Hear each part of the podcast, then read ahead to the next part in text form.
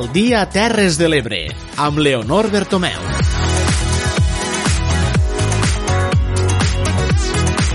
Molt bon migdia, benvinguts a l'Aldia Terres de l'Ebre, l'edició d'avui dijous 30 d'abril. Ens trobem a les portes de l'1 de maig, una diada per reivindicar drets laborals que enguany no es podrà viure des del carrer, però no per això hem de deixar de parlar de la greu situació econòmica que travessa el país amb l'alerta sanitària per la Covid-19. Els sindicats advertixen que la crisi laboral i social que s'està començant a viure és d'una profunditat enorme, amb la meitat de la població assalariada fora del mercat del treball ara mateix i la meitat dels autònoms han hagut de cessar l'activitat. Hi ha molt per reivindicar este 1 de maig, com també per agrair i posar en valor totes les persones, tots els treballadors que estan lluitant a la primera línia del coronavirus, des del sector sanitari, passant pel de la neteja, com l'alimentari, entre molts altres. No deixem, per tant, que este 1 de maig confinat ens faci oblidar els greus problemes que està patint la classe treballadora del nostre país. Dit això, ha arribat el moment de començar el programa d'avui. Com cada dia recordem les persones que el fan possible i que són Tere Giné i Clara Seguí des de la Plana Ràdio, Núria Mora, Clàudia Ruiz i Xavier Falcó des de Ràdio Tortosa, Laia Oltra, Francesc Callau i Daniel Rodríguez des de la Cala Ràdio, Judit Castells i Jonathan Valls des de Ràdio Joventut, Eduard Carmona des de Ràdio Delta i Tomàs Ginestra, Jordi Galo i Manel Ramon des de Amposta Ràdio. Comencem l'edició d'avui dijous 30 d'abril, com sempre amb el repàs als titulars més destacats.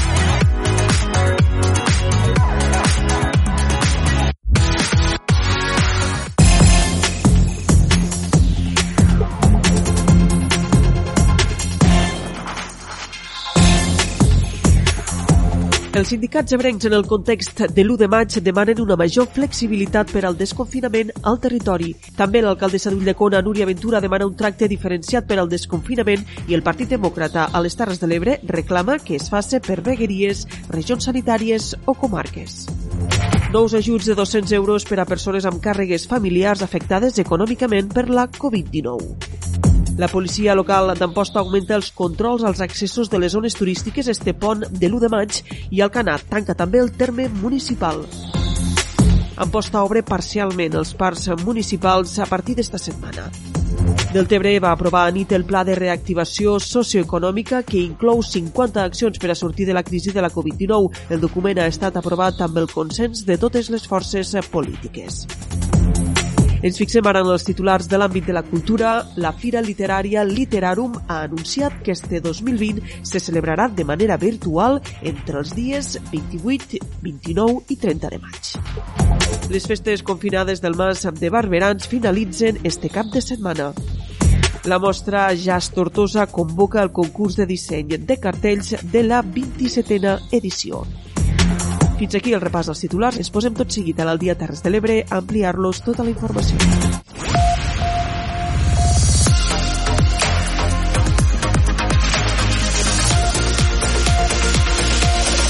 Al dia, les notícies de les Terres de l'Ebre. Obrim portada informativa al dia Terres de l'Ebre. Demà divendres 1 de maig es celebra el Dia del Treballador. Este any no seran possibles les manifestacions al carrer, malgrat això els sindicats ebrencs consideren que és un moment clau per reflexionar sobre el futur model econòmic del territori i demanen un desconfinament avançat a les Terres de l'Ebre. És una crònica de Clàudia Ruiz. Comissions Obreres, UGT i USOC a les Terres de l'Ebre han fet una crida perquè les mesures de desconfinament es flexibilitzen segons les característiques del territori. En el cas de les comarques ebrenques, consideren que haurien de disposar d'una discriminació positiva degut a que ha patit una menor incidència pel coronavirus. Això sí, demanen que el retorn als llocs de treball es realitzi sota les mesures de protecció necessàries. David Queral és el secretari general d'USOC a les Terres de l'Ebre. Necessitem que Terres de l'Ebre, si és possible, i les seues empreses puguen començar la seva activitat eh, econòmica el més aviat possible i que tingui una afectació menor. La tipologia d'empreses que té les Terres de l'Ebre no, no, no hi ha grans empreses que tinguin un múscul fort que puguen aguantar molts de dies d'aturada. No, no, no estem parlant de, de grans multinacionals que tinguin. I per tant, cada dia que passa pues, és, és, una, pues, bueno, és una condició més perquè aquestes empreses eh, tinguem problemes després. No? Per això demanem que, en, lo, en la mesura de lo possible, Terres de l'Ebre pugui sortir abans per fer-ho possible, consideren necessari un lideratge polític fora les Terres de l'Ebre que influencien en les polítiques que es prenguin a la resta d'administracions. Demanen, a més, que els agents socioeconòmics treballin sota un pla estratègic perquè aquesta crisi no esdevingui una emergència social, laboral i econòmica.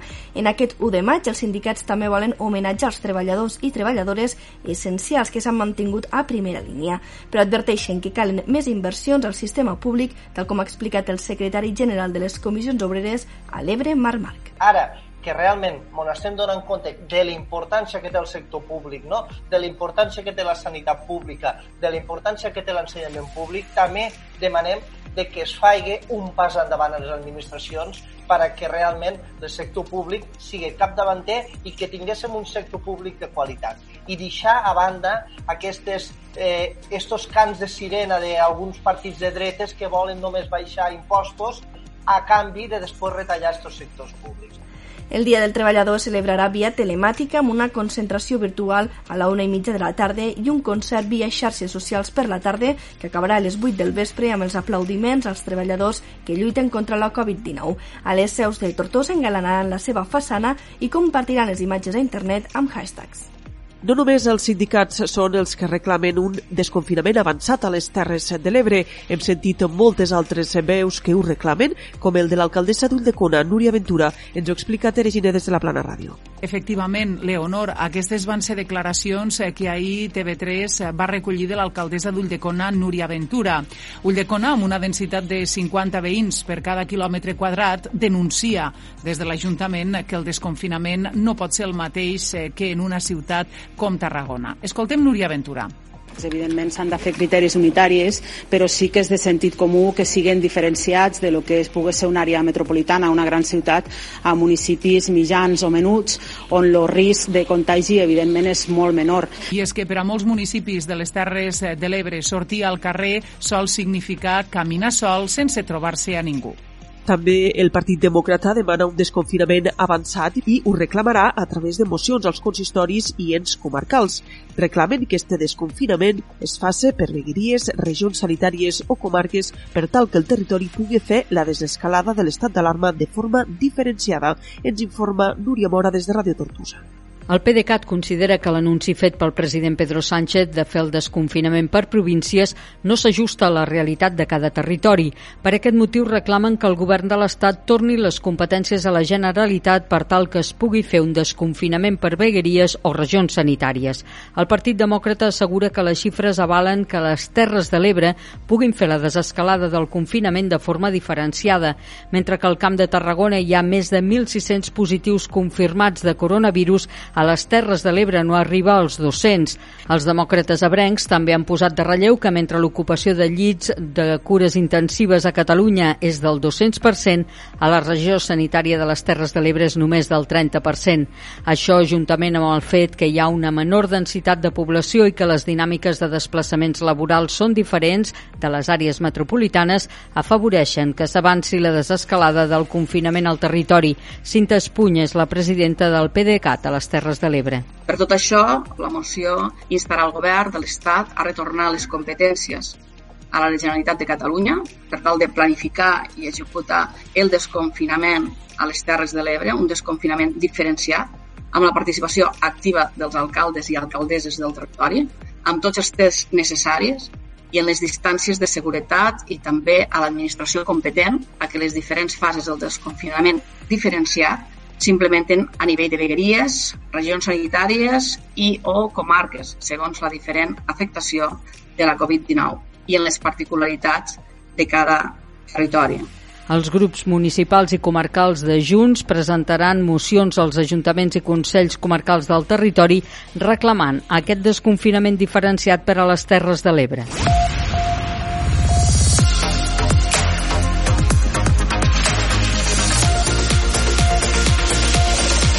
Al dia.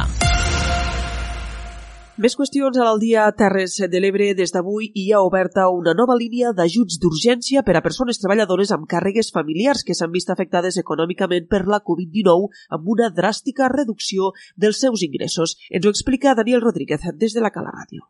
Aquesta prestació convocada per la Generalitat serà d'un únic pagament de 200 euros per unitat familiar, amb l'objectiu de facilitar la compra de productes d'alimentació, de farmàcia i d'altres subministraments bàsics considerats de primera necessitat.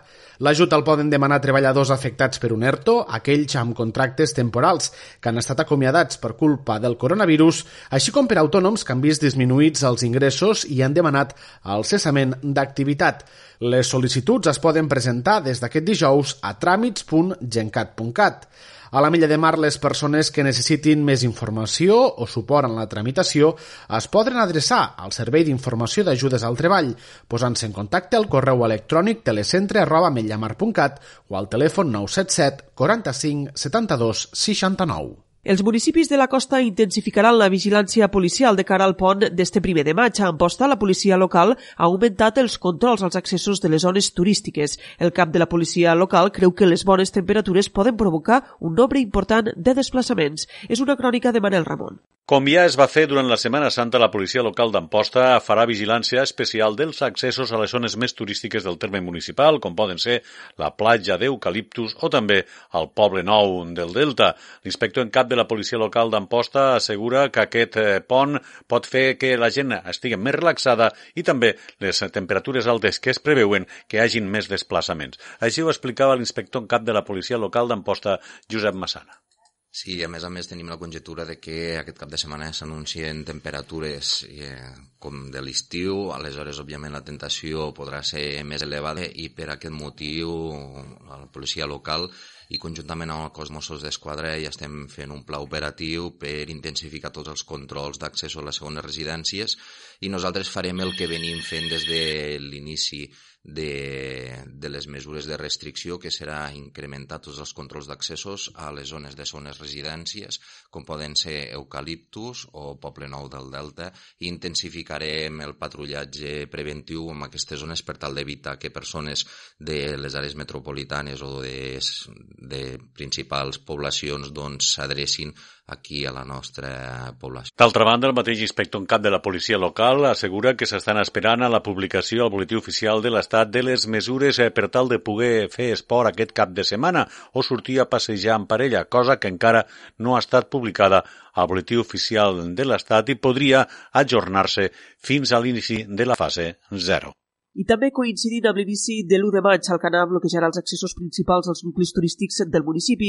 Durant els pròxims dies festius, la policia local d'Alcanar, amb el suport del cos dels Mossos d'Esquadra, repetirà els controls amb la mateixa intensitat que les darreres setmanes. Ens ho explica Teregine. Efectivament, el municipi d'Alcanar i de les Cases ja ho tenen preparat eh, per aquest pont del primer de maig i és que un altre cap de setmana Alcanar bloquejarà els accessos principals als nuclis turístics. Des de la regidoria de Governació ens expliquen quines són les accions que es portaran a terme. Escoltem Jordi Bort. Efectivament, els preparatius per al pont de l'1 de maig ja estan preparats en la policia local, coordinament en l'Ajuntament i també en la col·laboració dels Mossos d'Esquadra, eh, tancarem eh, els principals accessos a, a les zones turístiques, especialment a la zona del Canal Platja i a, a les cases del Canal, la rotonda de la Nacional 340, realitzant eh, controls, eh, com s'han vingut a fent en els caps de setmana rellevants i, i del pont de Setmana Santa que, que vam passar, i també eh, tenint en compte el marc d'aquesta desescalada del confinament també se, se faran patrulles a peu per a eh, potenciar la, la proximitat i també pues, eh, a col·laborar en la, en la ciutadania en allò que, que se'ls precise. Hi ha un dispositiu preparat, eh, venim eh, dient eh, de dies atrás no, que, que això serà llarg, que a la policia local eh, l'hem de protegir, l'hem d'ajudar, és molt important en aquests moments, portem eh, vora 50 dies de, de confinament. Simultàniament a tots aquests operatius eh, d'aïllament social es mantenen també les patrulles de vehicles policials pels carrers dels nuclis urbans per fer pedagogia sobre les mesures del desconfinament i requeriments en aquells casos que sigui necessari. Amb l'arribada del bon temps i la flexibilització de les mesures del confinament, l'Ajuntament d'Amposta ha obert parcialment els parcs municipals. El regidor de Governació demana, però, prudència a les persones i famílies que en facin ús. És una crònica de nou de Manel Ramon. L'Ajuntament d'Amposta ha decidit obrir parcialment els parcs municipals, especialment el gran parc central de la ciutat, el parc dels Giribecs. Aquest parc per dos motius. Un, les obres que realitzen a l'entrada al parc pel carrer Sebastià Joan Arbó i també el tancament de la zona de jocs infantils fa que s'hagi d'obrir de manera parcial. D'altra banda, també hem destacar que s'obriran la resta de parcs de la ciutat eh, solament doncs, les zones de passeig, no les de jocs infantils. D'aquest fet ens parlava el regidor de Governació de l'Ajuntament d'Amposta, Miquel Subirats. I aquesta obertura parcial l'han fet principalment per dues qüestions. La primera és que havia aprofitat aquests dies per fer unes obres d'adequació al parc, a la zona que dona cap al carrer Sebastià Juan Arbó i encara no hem acabat, no hem acabat. Per tant eh, encara ens fa falta un dia per continuar treballant allí. I per l'altra eh, que també en aquesta zona que dona al carrer Sebastià Juan Arbó també trobem lo, la zona on està ubicat el parc infantil que a hores d'ara encara no es poden obrir. I per tant eh, des de l'Ajuntament hem considerat que el millor era obrir el parc de forma parcial deixant tancades la zona que està en obres i la zona que està ubicat el parc infantil. En l'obertura del parc dels Xiribecs ara mateix ja hem reobrit tots aquests parcs que, seguint indicacions del Procicat, vam tindre que tancar, com pugui ser el parc de Valletes, el parc municipal o el mateix parc dels Xiribecs. Dir també que el regidor de Governació, a més d'anunciar l'obertura parcial d'aquests parcs, com el parc eh, de davant de l'Hospital eh, Comarcal, davant del Museu de les Terres de l'Ebre, o el parc de la zona de Valletes, recorda que es tingués molta cura i sobretot que s'hi sigui molt prudent a l'hora de visitar els parcs i que es portin les mesures necessàries per evitar qualsevol contagi. Anem ara a Deltebre. El ple de l'Ajuntament va aprovar a nit el pla de reactivació socioeconòmica que posarà en marxa en el termini d'un any fins a 50 accions per a impulsar el municipi després de l'alerta sanitària de la Covid-19. El document ha estat aprovat amb el consens de totes les forces polítiques i ha inclòs totalment o parcialment dos de les propostes del grup municipal del PSC i 28 de les 31 que va presentar Esquerra Republicana. L'alcalde de Deltebre, Lluís Soler, va reiterar que el pla de reactivació socioeconòmica és un document de poble que ha nascut nascut del consens i la participació de tothom. En qualsevol cas, este no és un pla de reactivació socioeconòmica del govern de Deltebre, és un pla de reactivació socioeconòmica de l'Ajuntament de Deltebre, que ha de ser de l'Ajuntament de Deltebre per a caminar de la mà de tota la ciutadania més enllà de la situació que ens estem eh, trobant a hores d'ara. Per part del grup municipal d'Esquerra Republicana van recordar al ple que els republicans han recolzat l'acció del govern municipal al llarg de tota la crisi sanitària amb lleialtat institucional i han assegurat que no volen ser només espectadors en l'aplicació del pla de reactivació, sinó que volen participar-hi. Joan Alginet és el portaveu republicà. Este pla que avui discutim no deixa de ser una declaració de bones intencions, en les quals coincidim, i algunes, com aquí s'ha dit, també han sigut aportacions directes del nostre grup però volem que es traduïsquin ja en acords concrets i en efectivitat immediata sobre famílies i teixit econòmic. Mesures que també han d'anar passant pel ple, com també s'ha dit, i que exigirem estar-hi presents. No com observadors, no incidint en la part final o en la discussió final, sinó quan se decideixen les qüestions importants. També el PSC va donar suport al pla, ja que s'ha fet des del consens i perquè considera que és un pla integral que pot ajudar a la reactivació de Deltebre. Escoltem el portaveu Aleix Ferrer. Com acaba de dir el senyor alcalde, és un pla no del govern, sinó un pla de l'Ajuntament del Tebre. És un pla que s'ha consensuat al màxim possible dins les limitacions, eh, un pla que engloba, que engloba tots els àmbits i és un pla bastant integral. Per mi, doncs, considerem que és un bon pla Cal recordar que el pla preveu accions de flexibilització de l'administració per a adaptar-se a la nova situació, accions de suport a les famílies i persones més vulnerables a través de mesures com l'Eurodelta, la moneda de Deltebre, també inclou mesures de suport al sector econòmic i accions per a encarar el futur del municipi de Deltebre.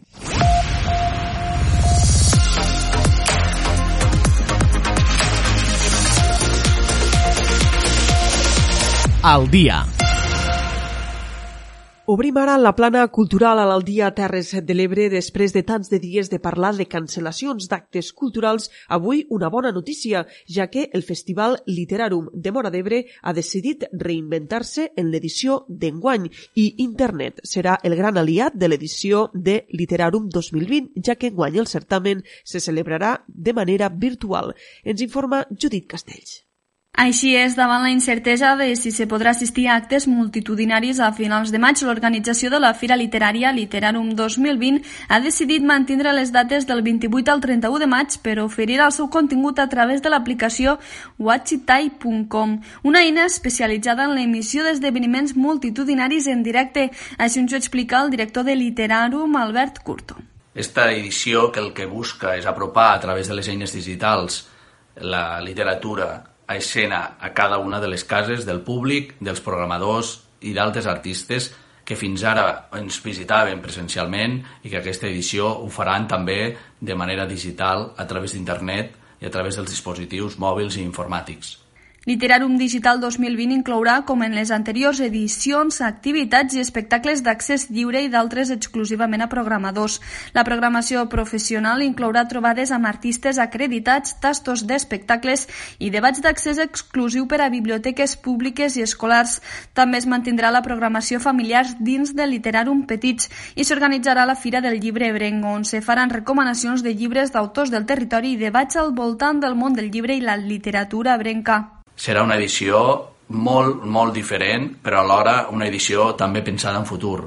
És una edició digital que tindrà continuïtat a partir de les properes edicions i que serà totalment integrada també amb l'edició presencial. Pròximament se signarà el conveni marc de col·laboració entre la Institució de les Lletres Catalanes i l'Ajuntament de Mora d'Ebre per a la consolidació de la fira en el període 2020-2023.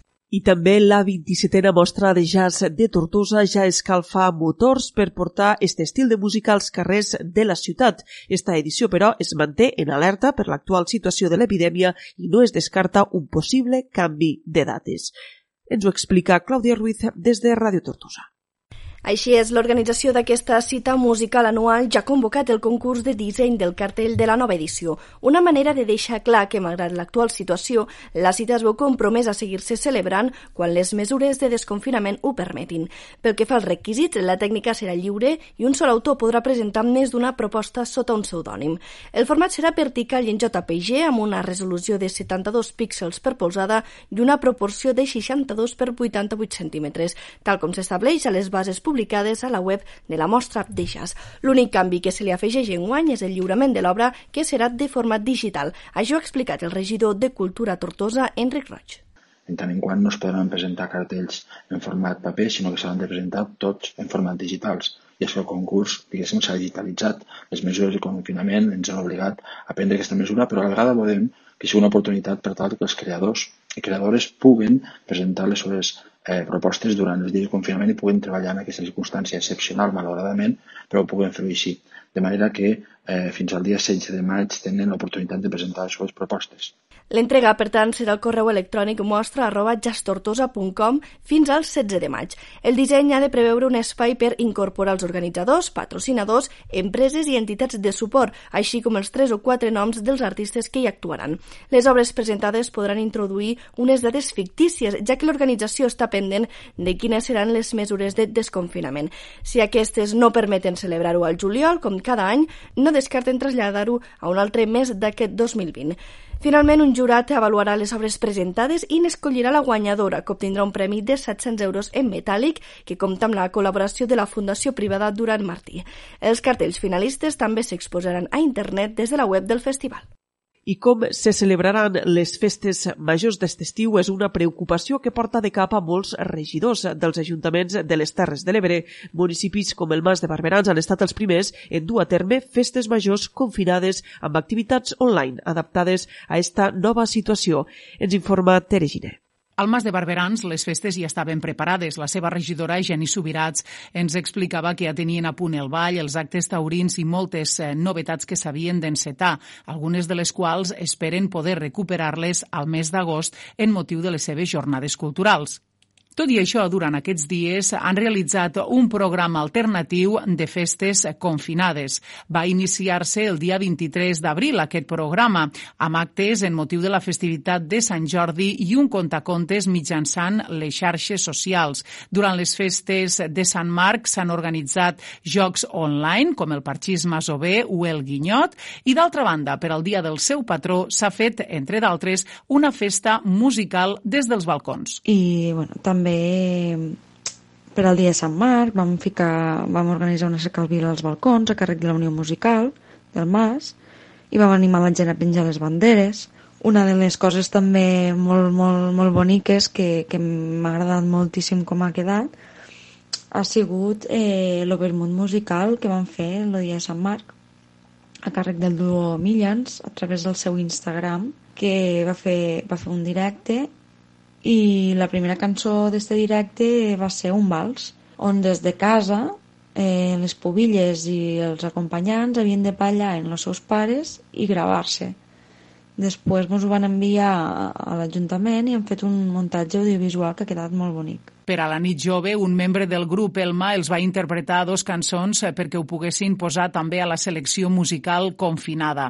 Aquestes festes del Mas finalitzaran demà, primer de maig, amb una rua de carnaval des dels balcons. I abans de continuar a l'Aldia Terres de l'Ebre, acabem este informatiu amb una última hora que acabem de rebre i és que els Mossos d'Esquadra i l'Agència Tributària han desarticulat una organització criminal d'abast internacional dedicada al tràfic de drogues amb la intervenció d'11 tones d'aixix. Han ingressat a presó 16 de les 23 persones implicades, entre les quals hi havia els tres principals líders de l'organització que actuaven que actuaven des del Maresme, des de Tortosa i des de València. En la fase de la investigació s'han intervingut quatre embarcacions, un pesquer, un velé, un iot i una barca pneumàtica que els investigats havien comprat i equipat amb quatre motors de 300 cavalls amb l'objectiu de fer transports d'aixix i que ja tenien preparades per traficar. Es tracta de l'operació on s'ha intervingut més quantitat d'aixix per part dels Mossos d'Esquadra. La investigació va començar a mitjans de desembre de l'any 2018 quan es va tindre coneixement que una organització criminal dedicada al tràfic de drogues que buscava persones que tinguéssim la capacitat i l'experiència per a dur a terme un transport d'una gran quantitat d'aixís des de les proximitats des de les costes marroquines fins al delta de l'Ebre. Les primeres indagacions policials van conduir a un home resident a Tortosa que tenia l'experiència i els mitjans necessaris per a dur a terme una transacció d'este tipus. Després de diversos intents fallits de transportar la droga des de la costa marroquina fins al delta de l'Ebre, el passat 26 de març van aconseguir posar rumb cap a l'Índia, cap a Líbia. Poques hores després del transvasament de la droga, una patrullera de vigilància duanera va aconseguir abordar el velé, va detindre els tres ocupants i va comprovar que transportaven, atenció, 161 fardells que contenien 5.280 quilos d'aixís, valorats en uns 31 milions d'euros. Arran d'esta interceptació es va fer escorcolls en diferents ciutats de la costa llevantina, des de València fins a al Maresme, passant per ciutats com Vinaròs, Alcanar, Roquetes, Tortosa, l'Ametlla de Mars o Cambrils, entre d'altres. Fruit de la investigació, també s'ha pogut implicar diversos dels integrants de l'organització en el delicte de blanqueig de capitals. En l'operació, en el seu conjunt, hi han participat les unitats regionals de vigilància duanera de l'Agència Tributària a Catalunya, València, Balears, Múrcia i Andalusia. Esta és la notícia d'última hora que hem rebut a la redacció de l'Aldia Terres de l'Ebre. Estarem pendents de la notícia en properes edicions.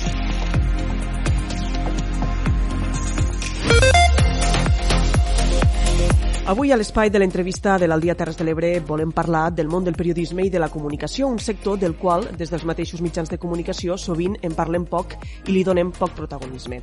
Esta setmana, la demarcació de l'Ebre del Col·legi de Periodistes de Catalunya ha fet públic la convocatòria del sisè Premi Terres de l'Ebre de Periodisme, que enguany ha incrementat notòriament la seva dotació econòmica i també ha incrementat el número de premis. La convocatòria ha arribat en plena situació d'alarma pel coronavirus, una crisi que ha colpejat també durament el sector de la comunicació comunicació, amb vertos, descens de la publicitat i caiguda de les vendes de les publicacions de paper. Anem tot seguit a abordar totes aquestes qüestions amb el president de la demarcació de l'Ebre, del Col·legi de Periodistes i també col·laborador moltes vegades d'este programa, Josep Baubí. Bon migdia i benvingut a l'Aldia Terres de l'Ebre. Bon dia, Leonor, i gràcies per invitar-me a participar avui aquí en este programa. Anem abans, Josep, eh, perquè són moltes qüestions a abordar. En primer lloc, explicar això, no? que el Col·legi de Periodistes ha convocat esta setmana el sisè Premi Terres de l'Ebre de Periodisme, que enguany ve amb més premis i amb major dotació econòmica. Sí, efectivament. Eh, a veure, cal explicar que és la sisena edició del Premi Terres de l'Ebre de Periodisme, que va encetar l'anterior Junta, que presidia i està la col·laboració també actualment de Sílvia Tejedor, eh, un premi de periodisme que era per a incentivar, per a motivar, per a fer visualitzar, treure llum aquell eh, periodisme que s'està fent a Terres de l'Ebre que moltes vegades no surt a la llum. Això va sis anys va començar a caminar.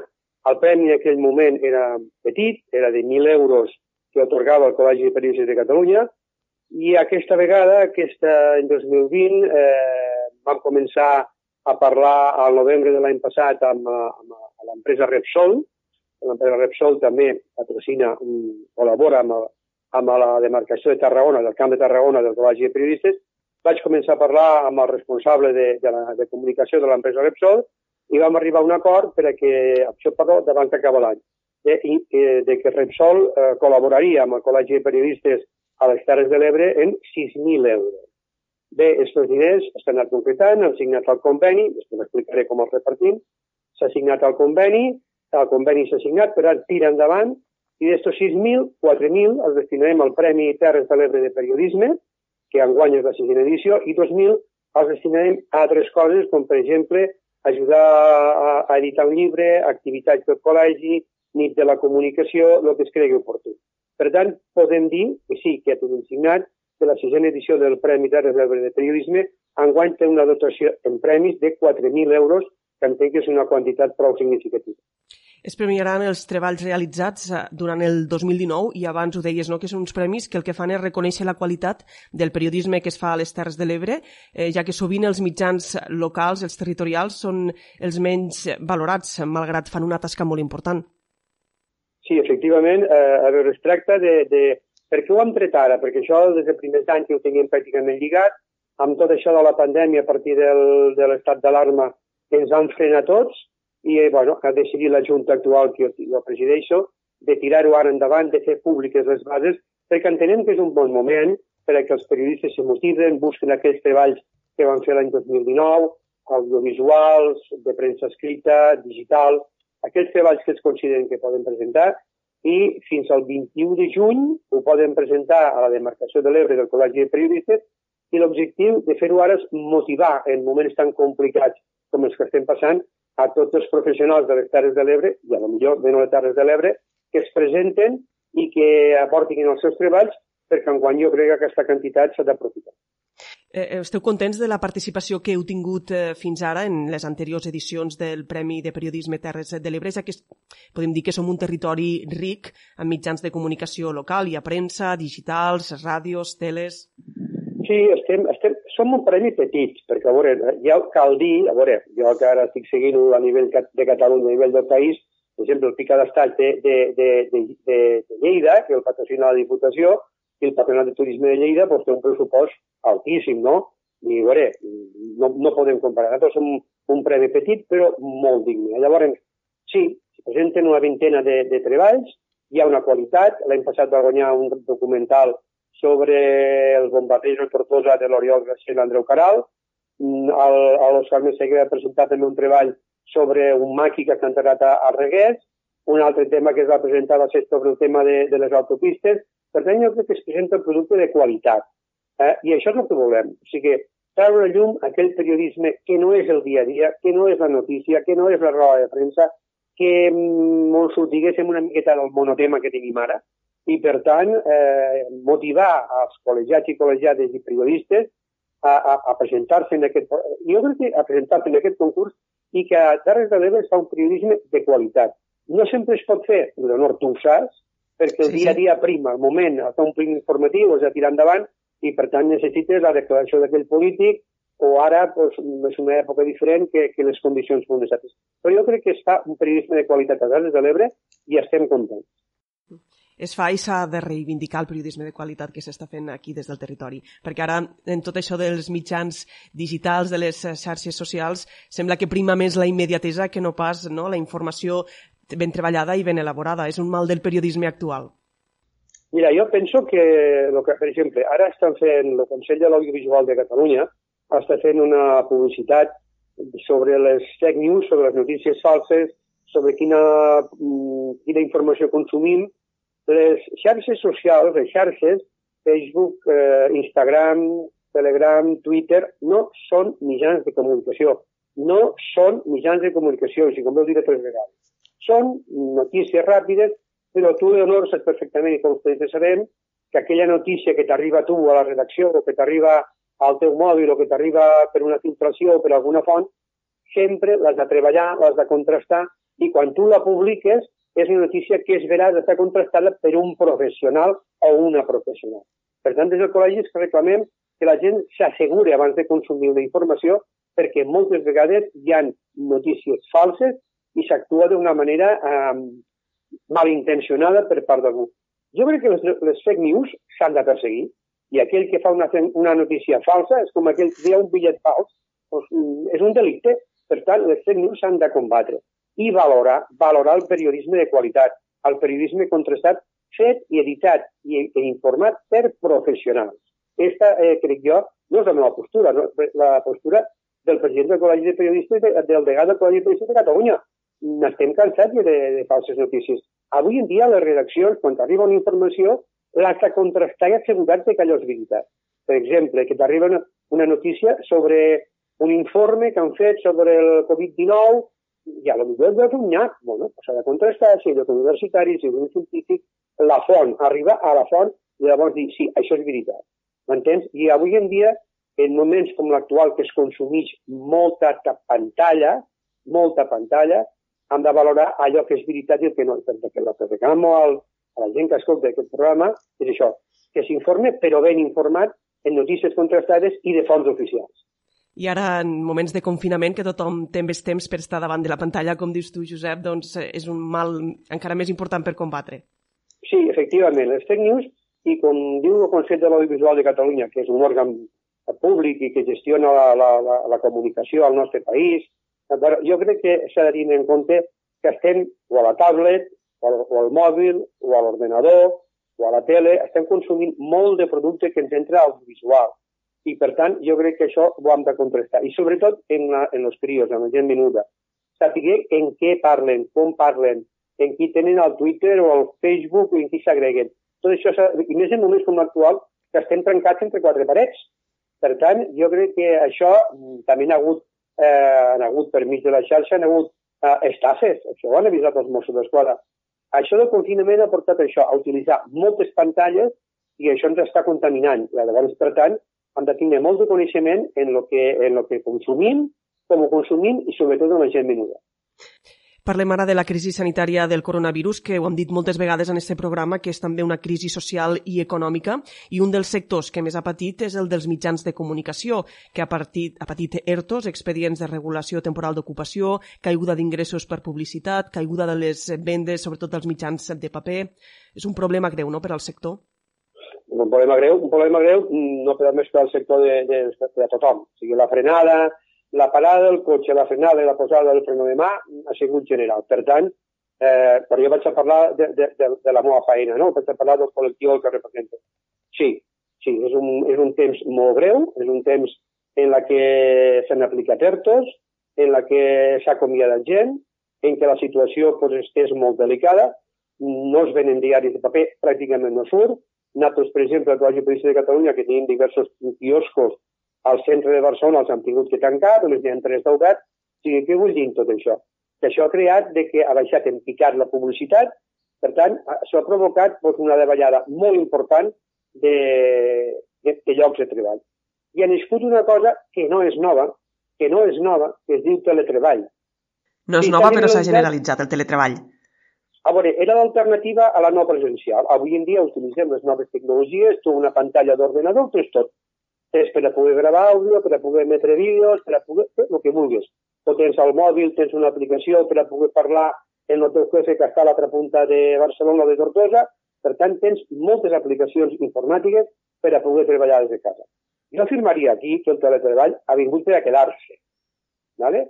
Ha vingut per a quedar-se i no m'agradaria que les necessitin un abús d'això. Perquè he treballat molts anys dins la paraula, més de 35, com a corresponsal mm, des de casa. Per tant, com he treballat des de casa sempre, sé del que es tracta.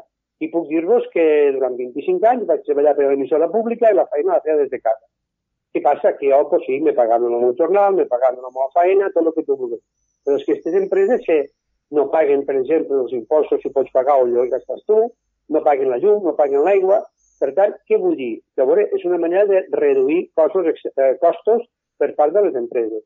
Hi haurà, hi haurà mitjans que això no poden fer, com per exemple les televisions, perquè les televisions és presencial, ara es fa molt mm, en qualitat baixa, però es fa molt per videotrucades i, i, i, i, i per Duo i per altres aplicacions, però vinc a referir-me que el teletreball ha vingut per a quedar-se. I és una manera de controlar. I també m'agradaria als, a la gent que ens escolta, a, que ho estem fent a nivell del col·legi de periodistes d'aquí, Terres de l'Ebre, saber quants de, de periodistes estan afectats per ERTOs. Volem, ser, volem fer una radiografia de com tenim actualment la professió a les Terres de l'Ebre. I això és una cosa que hem començat ara. Hem demanat dades al Departament de Treball per a veure quanta gent s'està afectada per els ERTOs i fer un seguiment. I el torno a repetir, la situació és complicada, però per l'altra part penses que mm, no ara per dir la pressa que ens sortirem, no. Jo crec que els periodistes eh, és molt vocacional la nostra feina i, per tant, eh, tirarem endavant perquè, a més, se, el que diem l'any 2013, no? sense periodisme no hi, ha, no hi ha democràcia. Per tant, entenc que la llibertat de premsa, la llibertat d'informació és bàsica per a una democràcia com la nostra. A més, Josep, demà és 1 de maig que enguany està centrat en reivindicar la, la, la labor que fan els sectors essencials en aquesta crisi del coronavirus, però val la pena recordar també que, per exemple, en el món del periodisme mm, és, és un dels sectors més afectats per la precarietat laboral. És un dels mals, no?, d'aquest sector. Ara, eh, del col·legi vaig a dir una cosa que vam ficar avui en marxa. Tornem a reeditar, tornem a reeditar una samarreta que potser tu la vas tindre, que es dia Sos Periodisme Ebrenc. Vam fer-ho l'any 2013, una samarreta que tornarem a reeditar i que la gent pues, que la vulgui posar se la posarà, sí. A veure, la precarietat laboral és molt forta. O sigui, gent que està fent un munt d'hores per quantitats ridícules. Gent que té uns estudis universitaris i cobra uns sous ridículs.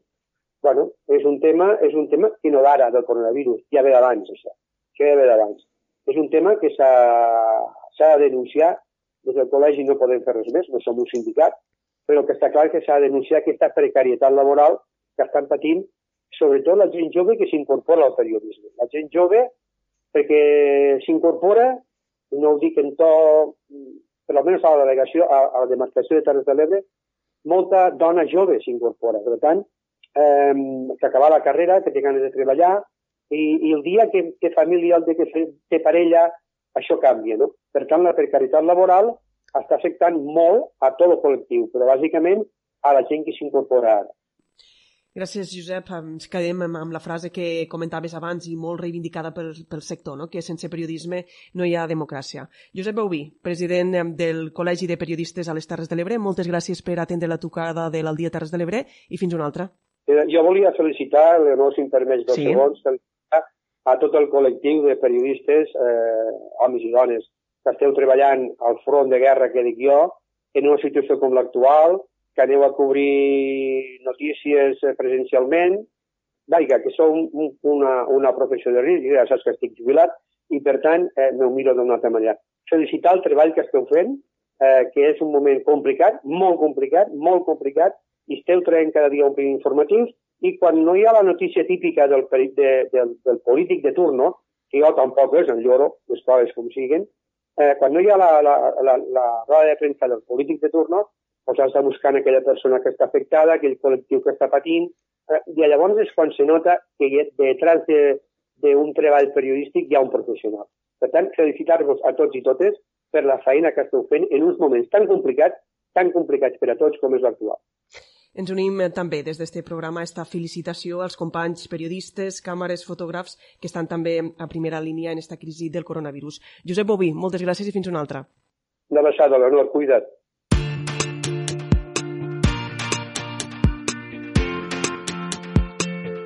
Després del parèntesi d'ahir dimecres, avui dijous, tornem amb l'espai de psicologia que cada dia ens apropa la Plana Ràdio. Avui Clara Seguí i Assumpta Arassa parlen de com gestionar les emocions.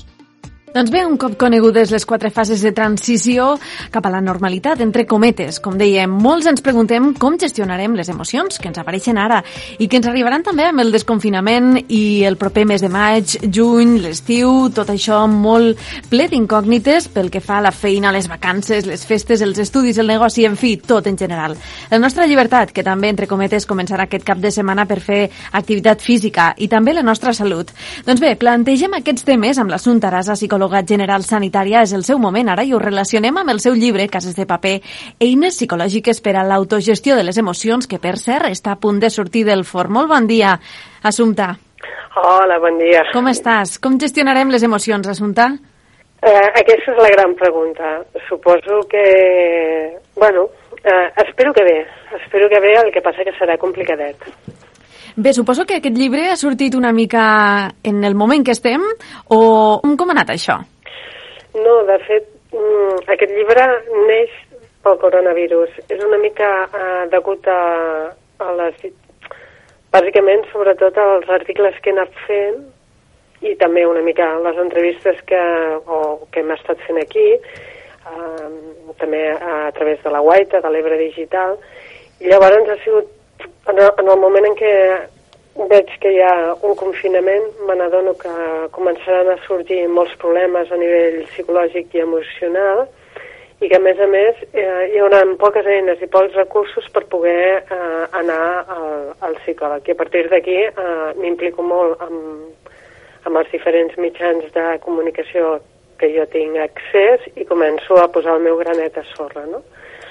Clar, què passa? Que, que a través d'això vaig veient que la cosa s'està complicant, s'està complicant, i que probablement després del confinament, el que estava el tema que proposaves, és que després del confinament eh, la gent mm, tindrà problemes mm, emocionals segurament degut a, a tot el que hem estat vivint aquests dies, però també perquè ens ve una crisi econòmica molt forta i això ara ja s'està dient amb la, amb la boca ben oberta, no?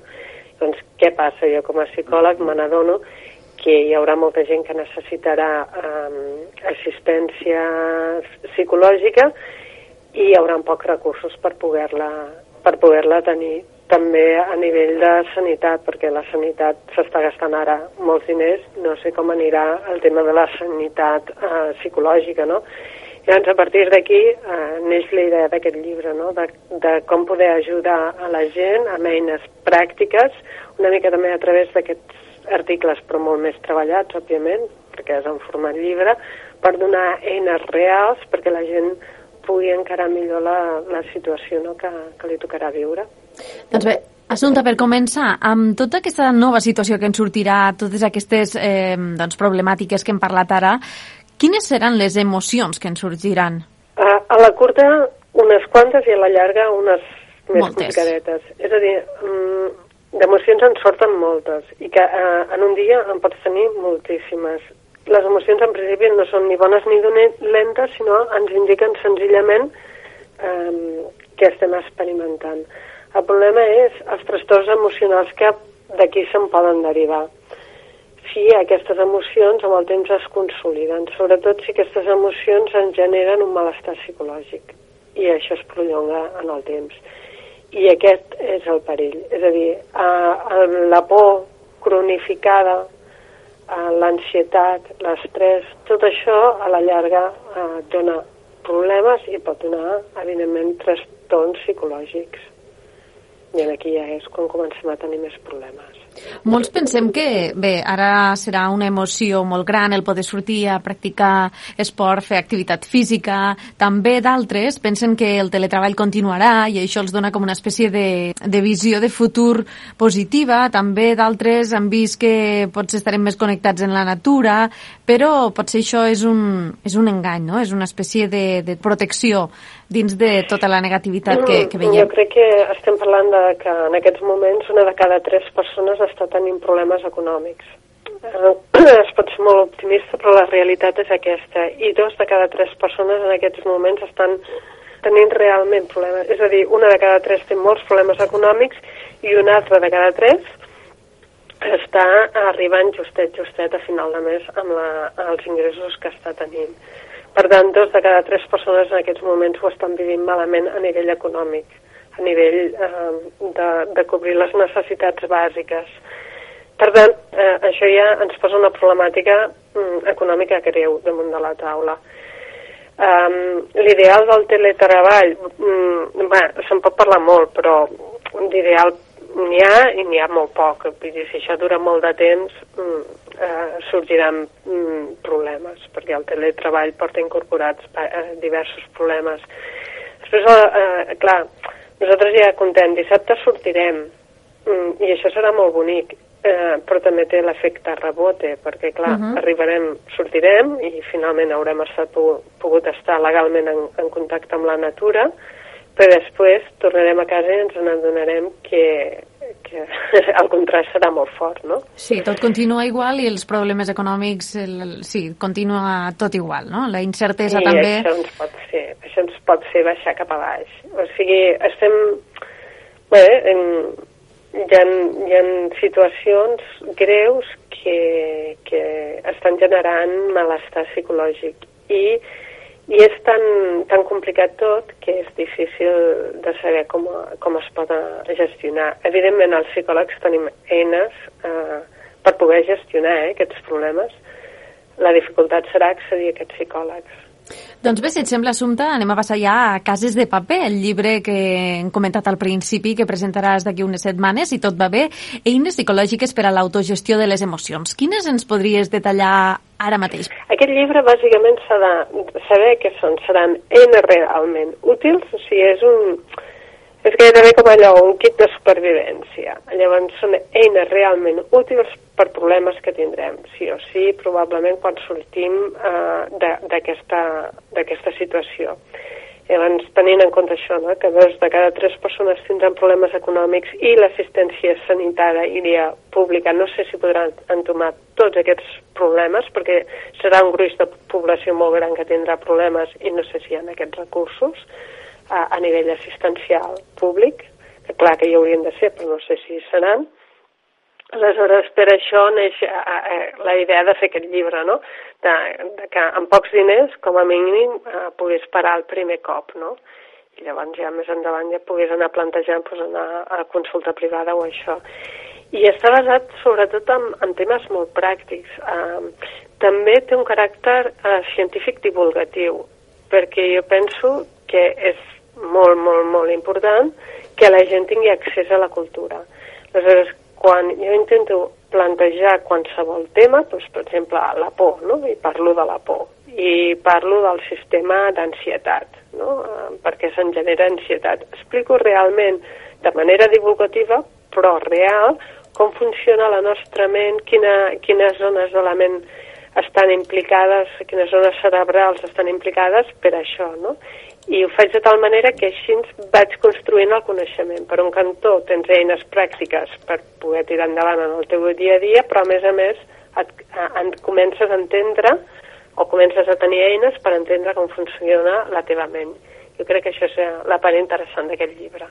Doncs bé, Assumpta, si et sembla, per tancar, dona'ns una eina psicològica per a gestionar l'emoció que ens donarà la primera sortida i també la primera entrada, evidentment, després de sortir, estar connectats en la natura, que per cert podrà ser dissabte de 6 a 9 del matí i després a la tarda de 7 a 9. El prim, jo el primer que diria és, sobretot, quan sortiu quan la gent surti estarà molt contenta, n'estic segura, vull dir, perquè és així. Quan entrin estaran contents i en seguida vindrà un baixón. És, no, no crec que li passi a tothom, però li passarà a moltíssima gent. Mm, hi haurà un, un, un efecte això, no?, de rebote, que es diu. I, i el baixón serà real, de torno a estar aquí tancat, torno a viure aquesta irrealitat, no? Aleshores, eh, el millor que poden fer és posar-se a cuinar un pastís, fer qualsevol cosa, és a dir, intentar desviar l'atenció, anar-se a prendre una dutxa molt agradable, calentona, o una banyera, o, o parlar amb la família, intentar no connectar-se massa ràpid a les noves tecnologies, sinó intentar fer alguna activitat, perquè segur que la tristesa en tornar a entrar a casa serà, serà forta. D'acord, doncs dit això, ja estem preparats i preparades, ja sabem què és el que ens hem de posar a fer i gestionar aquesta emoció que segurament ens sortirà. Gràcies un dia més, Assumpta Arassa, psicòloga general sanitària. Ens retrobem demà en un altre espai. Vale, bon dia, fins demà. Molt bon dia. I fins aquí el programa d'avui dijous de l'Aldia Terres de l'Ebre. Com saben, demà és 1 de maig i per tant no hi haurà programa. Ens retrobem el pròxim dilluns. Com cada dia els recordem que este programa l'hem fet amb el suport i la col·laboració de Ràdio Tortosa, de Ràdio Amposta, de La Plana Ràdio, de Ràdio Joventut, de Ràdio Delta i de La Cala Ràdio. Això és tot per avui. Ens retrobem el pròxim dilluns.